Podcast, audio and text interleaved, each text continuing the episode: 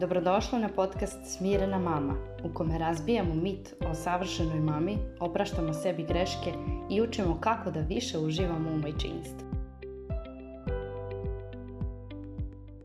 Ćao i dobrodošla u epizodu broj 10 gdje ćemo govoriti o tome gdje je granica između prohteva deteta i poštovanja tvoje reči. Ideju za ovu epizodu dala mi je jedna mama koja je postavila pitanje nakon posljednje epizode, broj 9, koja ima naslov Samo želim da prestane da kenka. Ako nisi poslušala tu epizodu, vrati se na nju, jer ću u ovoj epizodi odgovoriti na pitanje koje se nadovezuje na ono što sam pričala u toj epizodi. Dakle, e, komentar mame koja je pisala ispod epizode glasi Zdravo Anita, predivan podcast i mislim da je ovo situacija u kojoj se većina majki nalazi svakodnevno. Samo želim da prestane da keka. U ovim situacijama mene brine ta popustljivost sa moje strane, gdje bih ja verovatno dozvolila da se ta knjiga čita sada i odmah, samo da to kenkanje prestane, jer ja ne mogu to da slušam. I tu se iznerviram jer gdje je granica?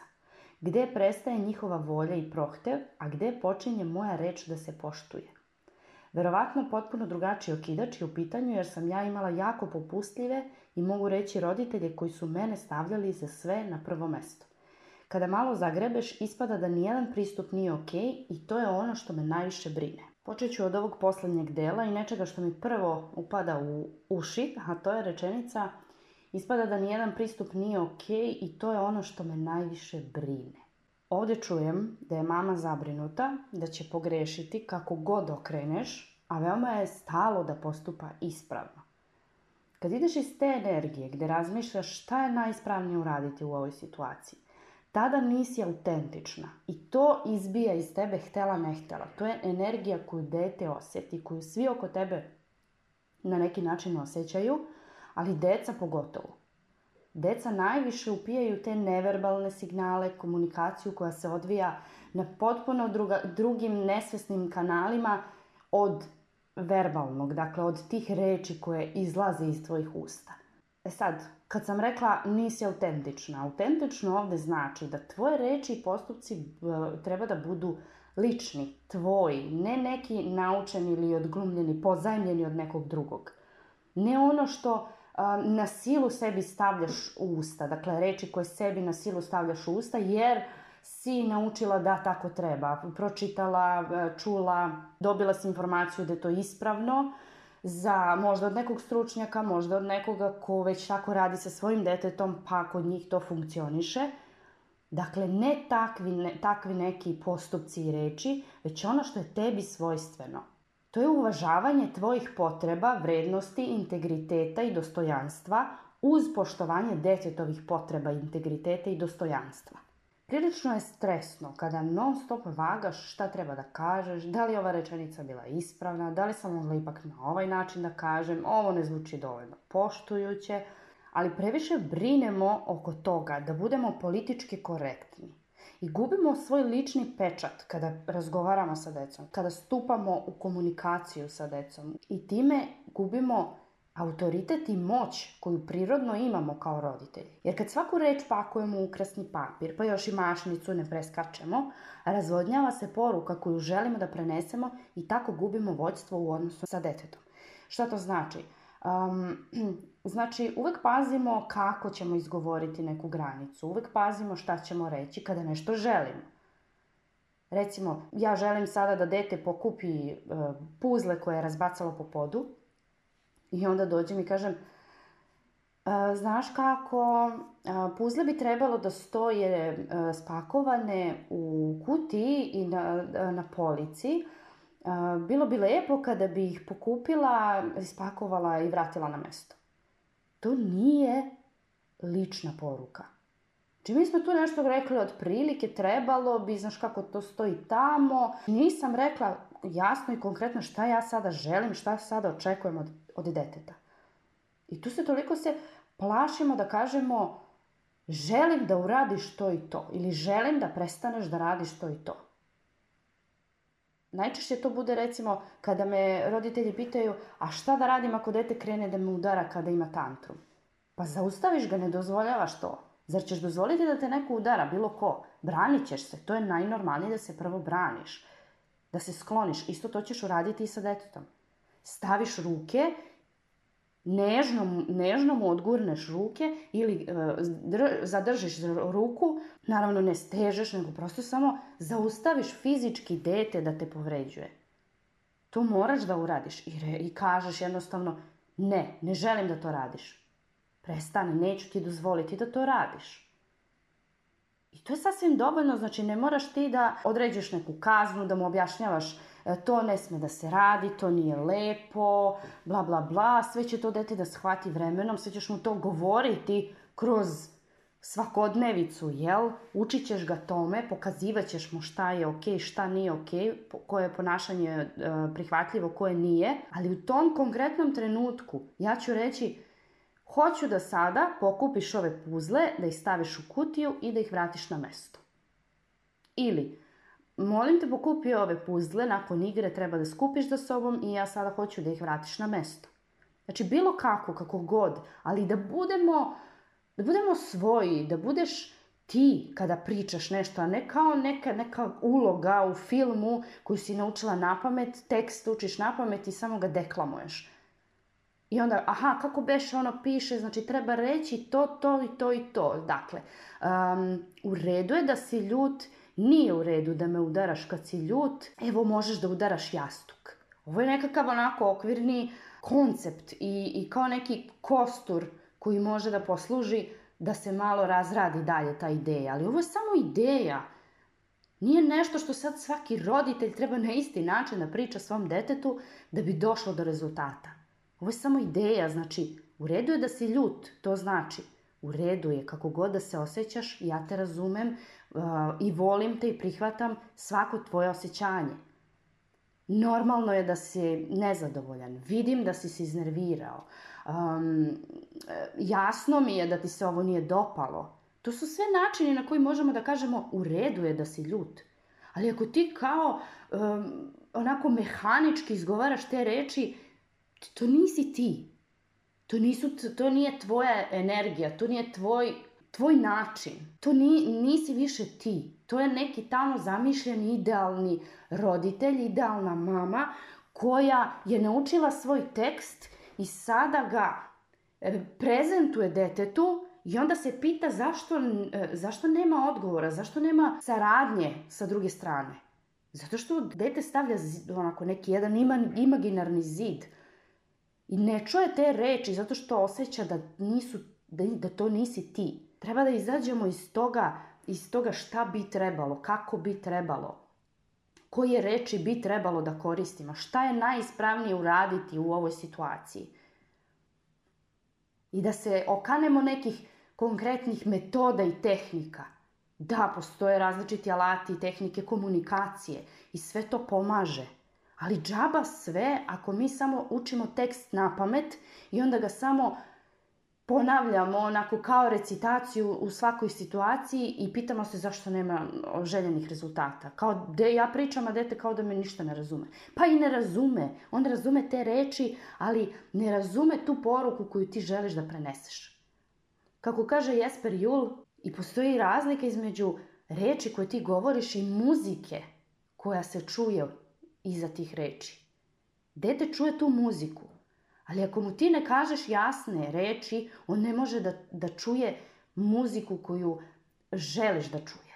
To su one poruke koje, koje mi želimo da pošaljemo, a kažemo jedno, u stvari mislimo drugo. Naprimjer, trebalo bi da se sredi ova soba. Baš je haos. Sad kao, ja sam rekla, trebalo bi da se sredi ova soba, ali nisam rekla ništa, ništa konkretno tu. Šta, ko bi trebalo da sredi? Hoće soba sama da se sredi? A, šta ako se ne sredi? Šta sad ja trebam ovdje da radim? I tu nema, nema ništa, dakle, ni za nas odrasle, nema ništa konkretno, a kamoli za decu. Zato treba da izbegavamo te bezlične, uopštene rečenice. Um, neke poruke koje onako samo ostanu da visi u vazduhu, da pršaju bez nekog konkretnog, e, bez neke konkretne poruke.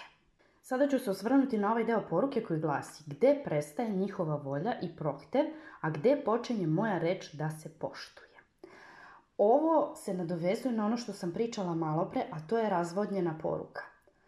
Kada počinje moja reč da se poštuje? Ako ja kažem e, nešto i očekujem da dete to posluša, da ispoštuje to što sam rekla, da sarađuje sa mnom, ono će to uraditi ako razume šta sam mu rekla i ako osjeća moj lični autoritet. Šta to znači? To znači da ja nemam autoritet kao roditelj. Dakle, ja samim tim što sam ja majka svom detetu, to meni ne daje nikakav autoritet. To meni daje određenu moć koju imam kao roditelj, zato što ja, imam, ja sam zrela, odrasla osoba i imam više životnog iskustva i moj, moj je mozak prosto zreliji od mozga mog deteta i samim tim ja imam tu moć da ja njega vodim kroz život dok ne bude moglo da, da to radi samo. U tom smislu imam moć. Ne moć da, dete uradi, da, da me dete sluša, i da radi sve što ja hoću i sve što ja kažem, bez pogovora. Da ne sme da se buni, da ne sme da me pita zašto, e, da ne sme da mi kaže neću, već moć se bazira na tome da ja imam mnogo više alata da dete nešto naučim, a da ono nije ni svesno da ga ja učim. To je za mene moć. Moć je da ja prenesem ono što znam i umem na svoje dete i to tako da ne popujem, da ne pametujem, nego da jednostavno prirodno podučavam dete nekim veštinama koje će mu trebati za život. I također moć da ako vidim da nešto ne štima, da nešto ne ide, da ne, da ne pali kod mog deteta, da nađem drugi način. Ne da zapnem, aha, mora strožije ili mora da se mora kazna nego u smislu ok ovo nije upalilo Znači, morat ću malo drugačije, nešto drugačije da uradim ili da, da kažem na drugačiji način da bi moje dete čulo i razumelo ovo što sam ja htjela da joj kažem. I ovo je vrlo validno pitanje. Dakle, gdje sad tu prestaje ono volja i prohtjev da ja sad ispunjavam sve detetove želje, šta god mu padne na pamet, zato što je to ono će posle biti e, razočarano, a gdje je sad tu moj autoritet, gdje je tu poštovanje onoga što sam ja kazala. Sad, opet kažem, vrati se na prethodnu epizodu ako nisi slušala, zato što neću sad mnogo ponavljati neke stvari. Nadovezat ću se na onu moju situaciju koju sam ispričala tada, a to je kada je dete htjelo da čita knjigu, a ja, ja sam, nisam, nisam dozvolila da se čita ta knjiga jer je dogovor bio da se čita neka druga te večeri. I onda je ona poslije toga, kasnije kad smo pričali o tome, počela da plačući pita zašto nismo čitali, ja sam baš htjela i tako dalje. Ja sam tu donala zaključak da sam pogrešila što nisam odmah dozvolila se čita ta druga knjiga, jer ona nije u početku na taj način tražila da, da plače, da ima tantrum zbog toga što ne čitamo tu knjigu, nego jednostavno želela je, želela, želela, tražila, tražila, tražila, ja nisam dozvolila.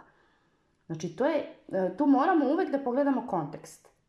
Svaka situacija je drugačija zato ponavljam ovo kakav je naš primjer tu bio – Dakle, nije ona meni tražila, hoću da čitam ovu knjigu, odmah, nego je normalno željela da je čita, tražila, hoćemo da čitamo ovo večeras, ja bih htjela to da čitam, ali zašto ne, ja bi baš voljela ovu knjigu, baš mi se čita, i tako dalje. Da je ona tako krenula plačući odmah, ja hoću ovu knjigu da čitam, i da sam ja njoj onda to dozvolila, odmah, ok, počela je da plače, ja ću odmah dati tu knjigu i neću uopšte da da puštam to, to bi, već, to bi onda bilo, bilo popuštanje prohtevima i zahtevima deteta.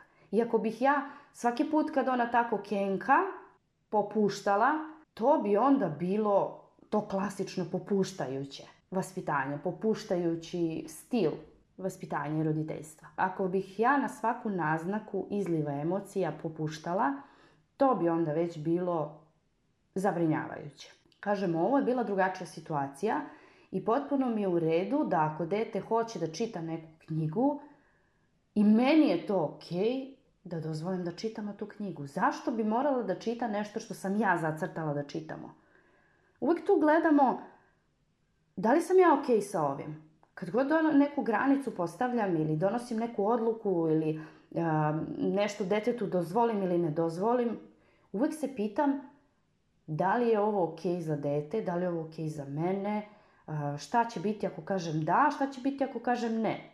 Kako će to uticati na mene, kako će na dete. Da li ću ja biti, mm, da li ću ja recimo ako kažem da, da li ću se nervirati što sam rekla da ili bit ću nezadovoljna i bit će mi krivo jer sam željela da kažem ne. I to je ta istinska ona unutrašnji osjećaj koji te vodi u tim situacijama, a on se zasniva na tome, na tvojim vrednostima, na tvom dostojanstvu, na, tom, na tvom integritetu. to su najbitnije stvari, dakle na tvoj, tvojim ličnim vodiljama, da tako kažem, kad donosiš bilo kakve odluke. Ako se sve to poklapa, ako si ti u miru sa tim što si rekla, bilo to da ili ne, onda tu nema problema. Mame se brinu da će razmaziti dete ako dopuštaju da dete učestvuje u odlučivanju. Koliko će se priča čitati, gdje ćemo e, ići, e, koliko ćemo se zadržati negde, šta ćemo jesti danas za ručak i tako dalje. Znači tako neke stvari koje nije nužno da samo mi donosimo odluke, nego i deca i tekako učestvuju u tome. I kako rastu, tako moramo sve više i više da im puštamo, da pustimo da oni preuzimaju odgovornost, da preuzimaju kontrolu nad svojim životom da budu sve samostalniji i da sve više uvažavamo neke njihove ideje, predloge, pomoć, zato što su sve više sposobni za to i fizički i mentalno. Deca treba da imaju ravnopravno dostojanstvo kao mi. Nisu oni ravnopravni sa nama u smislu moći, odlučivanja, prava i obaveza ali su ravnopravni u tom dostojanstvu, u tome da se prema njima obhodimo kao prema, kao onako kako bismo željeli da se prema nama obhode. I svaki put kad se pitaš da li bi ovo trebalo ovako, da li bi trebalo onako, je, onaj najbolji reper jeste da li bih ja volela da se meni neko ovako obraća. Da li bi meni prijelo da se meni neko ovako obraća, da meni ovako neko nešto uradi? Kako bi se ja osjećala? Ako je prijatno i ako je lepo, super, to je najispravnije. Ako je tako, onda je to najispravnije. A ako nije, ako ti ne bi bilo prijatno, ako bi ti bilo čudno, nekomforno, onda znaš da to, tu nešto ne štima. I da to nije ispravno u tom smislu. Ne po nekim knjigama, ne po tome šta kažu stručnjaci, jer znamo i sami koliko se tu mišljenja razlikuju. I zato je najispravnije ono što čini da se i ti i tvoje dete osjećate srećno i zadovoljno. I ništa drugo ti tu nije bitno. Ništa drugo tu ne bi trebalo da, da ti bude vodilja osim tog osjećaja. Kako se vi osjećate ako vidiš, a vidjet ćeš da je dete zadovoljno, zato što ga poštuješ, zato što ga uvažavaš, zato što pričaš sa njim kao sa normalnom osobom nisam pokrenula i temu ovoga da je, e, da je ova mama napisala da je imala jako popustljive roditelje koji su nju stavljali za sve na prvo mesto, jer to želim da bude tema posebna tema, dakle za jednu posebnu epizodu. Zaključit ću ovu epizodu e, pitanjem sa početka, gdje je granica između prohteva deteta i poštovanja moje reči. Tu je ključno, dakle, da mi budemo lični u svojim porukama koje šaljamo deci. Dakle, ja želim da uradiš to i to. Želim sada malo da odmaram, hoću da ideš da se igraš tamo nečega, šta god, ovo je sad onako okvirna rečenica, dakle ovo je samo ideja i šta god kažem neku rečenicu, želim da ne uzimaš tu rečenicu kao amin i kao ja isto to treba da ponovim, nego ideju, znači ja sada, šta ja želim sada? Prvo pitanje koje se pitaš, šta ja sada zaista želim? Želim da dete prestane da se penje na sto. To im i kaži. Želim da prestaneš da se penješ, želim da siđeš sa stola. Znači to želim. Želim da odmaram ovdje. Ne želim sada da se igram. Sada želim da čitam knjigu. Kada pustiš to iz sebe, taj strah da kažeš ja želim to i to, to je ipak povezano sa mnogim stvarima, dakle zašto mi imamo otpor prema tome i strah da kažemo šta želimo, da jasno kažemo šta, šta želimo i šta nam je potrebno, to je već dosta pozadine ima, ali isto tako ako se plašimo da i svojoj deci kažemo šta želimo, onda će i one, oni očekivati da se uvek ispunjavaju njihove želje i zahtevi i da uvek dobijaju to što žele odmah sada, bez poštovanja tuđih potreba.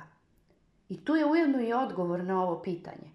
Tu je ta granica da sama sebi razgraničiš ja želim to i to. Meni je sada potrebno to i to. I da to jasno izgovoriš svojim ukućanima.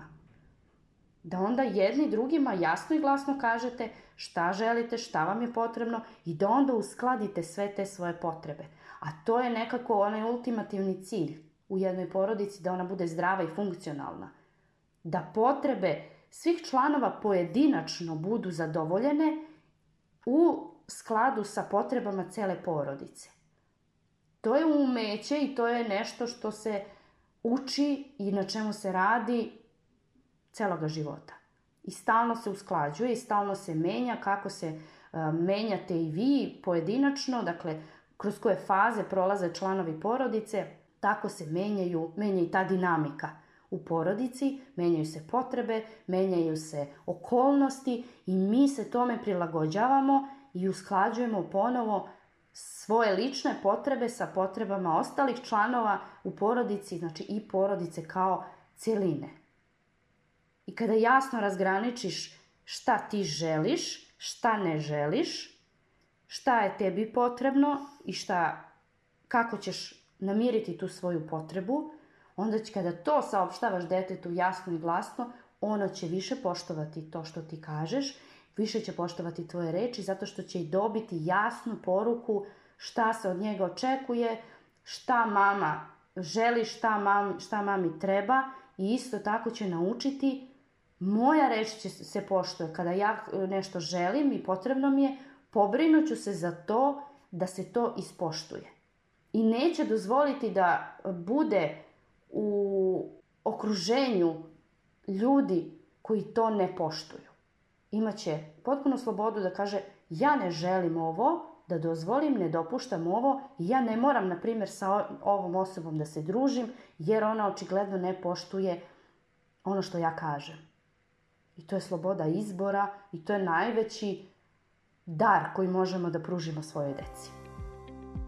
Ako ti se svidjela ova epizoda, pretplati se na moj kanal da ne propustiš sljedeću epizodu.